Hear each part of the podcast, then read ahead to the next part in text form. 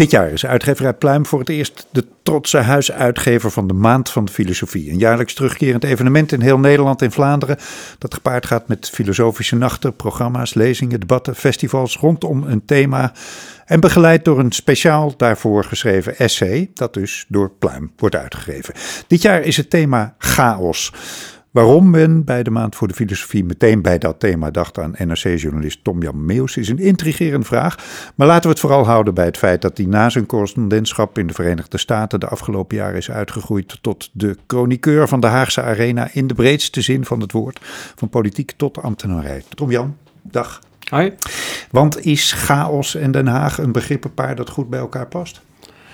Uh, kijk, alle politieke chaosbestrijding Hè, dus uh, het gaat principieel altijd over de vraag hoe kunnen we de maatschappij ordenen en in hoeverre moeten we de maatschappij ordenen. Daar zijn, daar zijn ze het gelukkig altijd over oneens.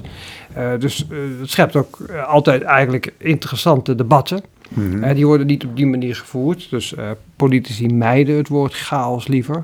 Maar dat komt natuurlijk omdat ze er bang voor zijn.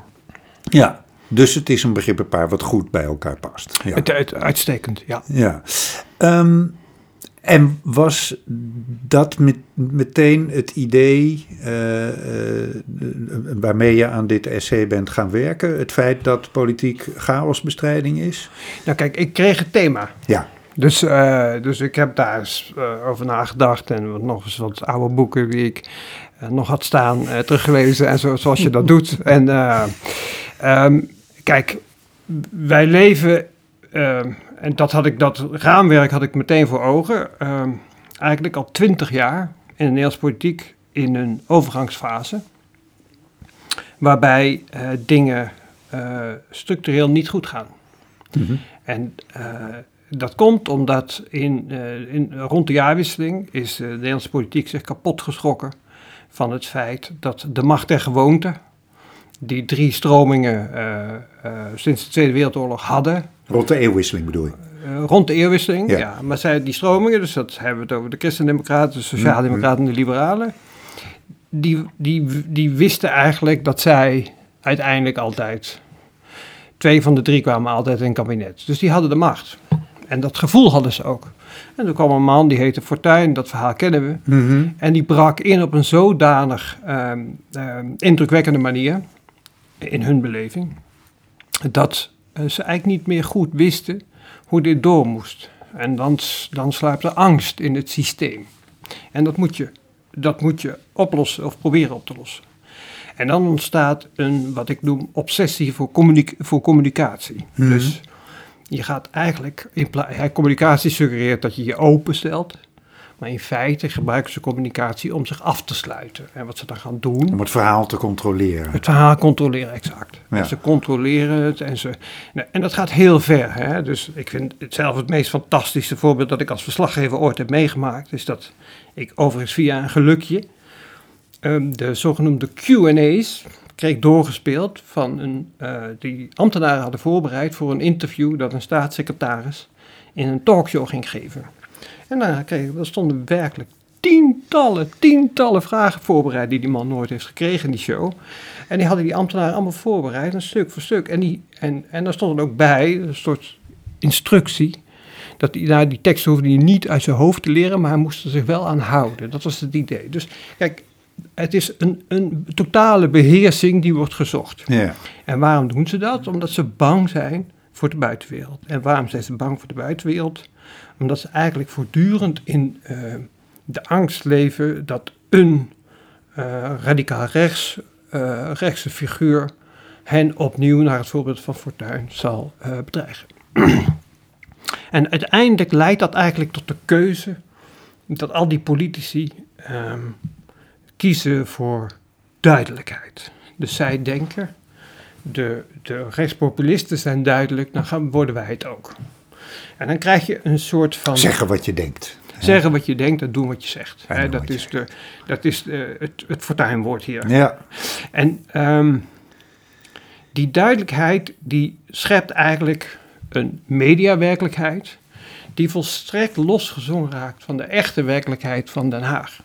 Want ja, iedereen kan zich dit bedenken. Hè. We hebben een representatieve of liberale democratie. Dat betekent dat we altijd zo 15 of 20 partijen in de Tweede Kamer hebben.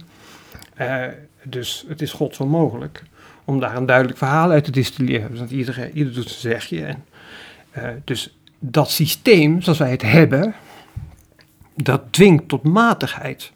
En in feite krijgen we dan een wedloop tussen duidelijkheid en matigheid. Hmm.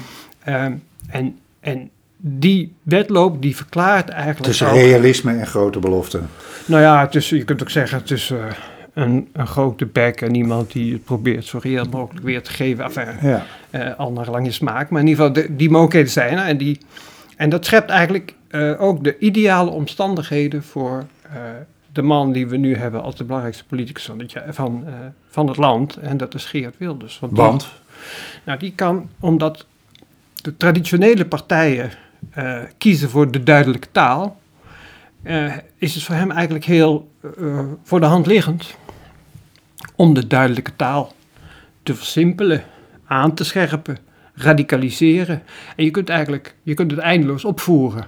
Dat heeft hij ook gedaan en uiteindelijk brengt dat, en dat is het grote dilemma van dit, van dit verschijnsel, de, de, de politicus die het duidelijkst is, ook het meest in confrontatie met fundamentele democratische waarden. Dus dat is uh, de parlementaire democratie en de democratische rechtsstaat. En dat is er gebeurd, heeft iedereen zien gebeuren. Hè? Dat, dat is vanaf 2008 rond Fitna is dat expliciet duidelijk geworden.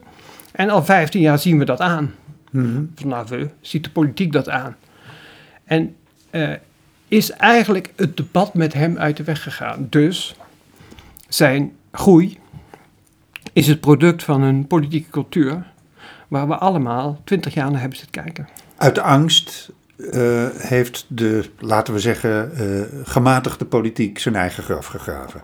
Nou, dat vind ik net ver. Kijk, ik vind niet dat ze hun eigen graf hebben gegraven. Want uh, ze, het is niet zo dat ze de spade van Wilders hebben, uit de handen hebben genomen. Maar ze hebben wel... Ze hebben, ze hebben het laten in handen ik, gegeven. Kijk, ja. Ik zal één voorbeeld noemen. Wat ik, wat ik heel tragisch vind. Echt extreem tragisch. Eh, je hebt het minder-minder moment in 2014. Mhm. Dan zegt uh, de P van de A, die wordt dan geleid door Diederik Samson, die zegt: uh, Nu doen we hem in de ban. Dus als hij een motie indient, steunen we hem sowieso niet. En dat houden ze een jaar of drie vol. Dan wordt Samson afgevoerd en komt de nieuwe PvdA-leider, uh, Lodewijk Asscher.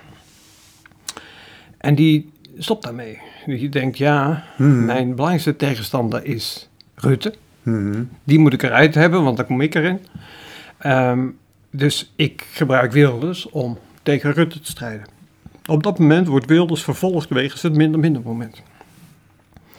En uh, Wilders, als die zich ergens tegen verzet, gebruikt die alle middelen denkbaar.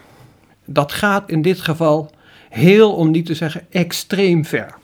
Dus het gebeurt dat Wilders over zijn eigen vervolging Kamervragen gaat stellen. Mhm. Stel je even voor, hè, iemand, een, een, een, een, een willekeurig Kamerlid wordt verdacht van uh, fraude of uh, ik veel. Uh, drugshandel. Drugshandel.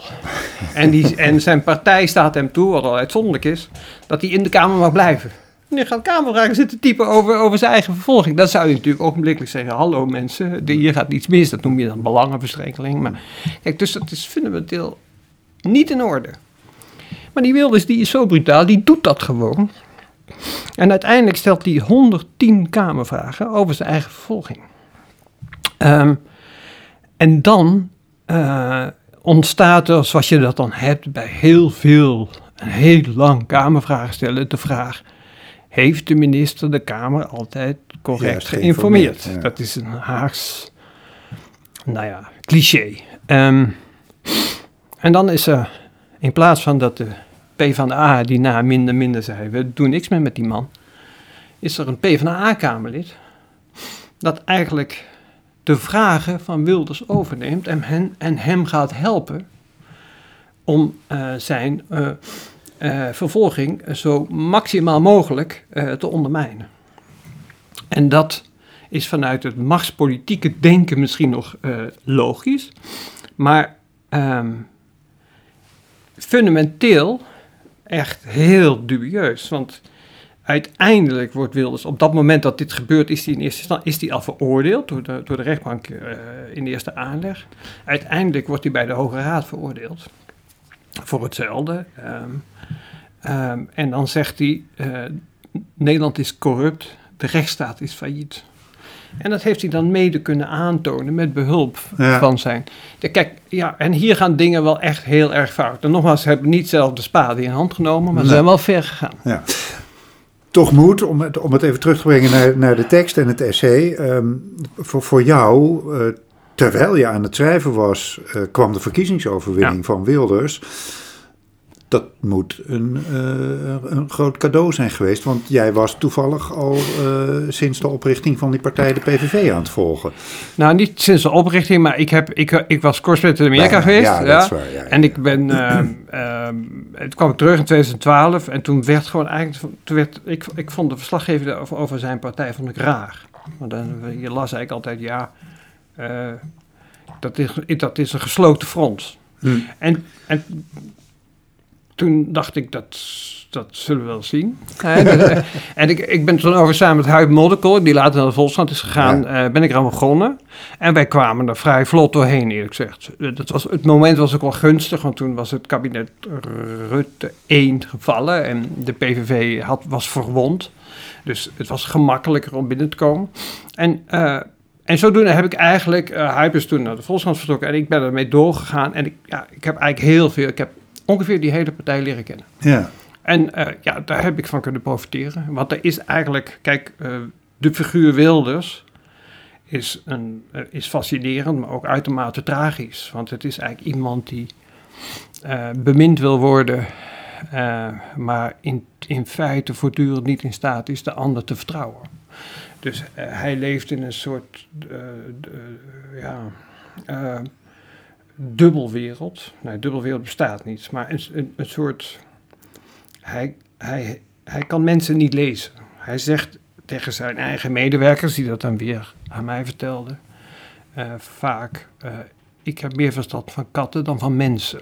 En, en dat zie je ook terug. Hè? Dus zijn uh, woordvoerder die die aantrekt, dat, is een, dat blijkt een cocaïneverslaafde oplichter te zijn. Dus de, de man met wie hij alle islamteksten voorbereidt is, stapt uit de partij hij wordt moslim. Dus, ja. en zo hebben we een hele, hele reeks tot en met de, de verkenner die die uh, afgelopen november aanstelde. En dat de bleek ook... onvergetelijke Gom van Striem. De ja. onvergetelijke Gom van Striem, ja. En, nou, ja zo, en zo gaan ze door. Dus hij kan mensen niet vertrouwen.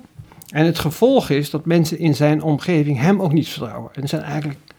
Er is op één na... Gaan, gaan al die vertrouwelingen weg. Dus je kunt een voetbalelftal samenstellen van mensen die er dicht op hebben gezeten. En die zijn vertrokken omdat ze denken, dit, dit is niet in orde. Hm. En waar ben je uiteindelijk op uitgekomen? Wat, wat voor tekst is het geworden? Uh, hoe bedoel je? Nou ja, uh, is, het, is het een een soort sombere samenvatting van, van inderdaad alles wat er de afgelopen twintig jaar fout is gegaan op dit vlak in de politiek? Of draag je ook nog iets aan van, kijk, als we nou daar even daar de sluisjes dichtdraaien en uh, daar de deur open en daar dicht, dan komen we weer ergens? Of, wat, wat, wat, welke ik, richting geef Ik ben iemand die met opzet werkt, dus ik, ik, heb, ik denk, het probeer het van tevoren uit te denken. Dus in mijn opzet zat het laatste, dus wat jij nu mm -hmm. zegt. Dus ik dacht, ja, ik moet ook beschrijven waar het. Ik moet A beschrijven wat het is mm -hmm. en hoe, hoe, het, wat het betekent. -hmm. En de betekenis van, deze, van zijn overwinning lijkt me uh, vrij groot overigens. Ja, want het is natuurlijk eigenlijk een ongekend verdien, nieuw verdienmodel voor, een, voor, el, voor, voor elke oppositiepoliticus. Ja. Uh, en ik had aanvankelijk in mijn eerdere versie, heb ik daarna heb ik ook een stuk geschreven over hoe je dit anders kunt doen of hoe je dit kunt bestrijden. En uh, die heb ik geschrapt. ik, ik, uh, ik, kijk, ik denk eigenlijk dat het zo is dat, de, deze, dat dit een fase is die de democratie in Nederland en in feite in het hele Westen door moet. En, um, en, en, en dat heeft een groot risico, draagt dat in zich, want we weten niet of de democratie het zal, uh, zal overleven. Die kans is in Nederland lijkt me wel groot. Um, maar ja, je weet het niet. Kijk, ik kan niet. Ik, ik heb geen glazen bol. Ik heb geen. Uh, we kijken nu naar een kabinetsformatie waarvan je eigenlijk elke dag denkt. Ehm, en ook de mensen die je spreekt. Uh, benieuwd hoe dit afloopt. En ook degene die er echt heel dichtbij zitten zeggen. No clue. Nee, nee.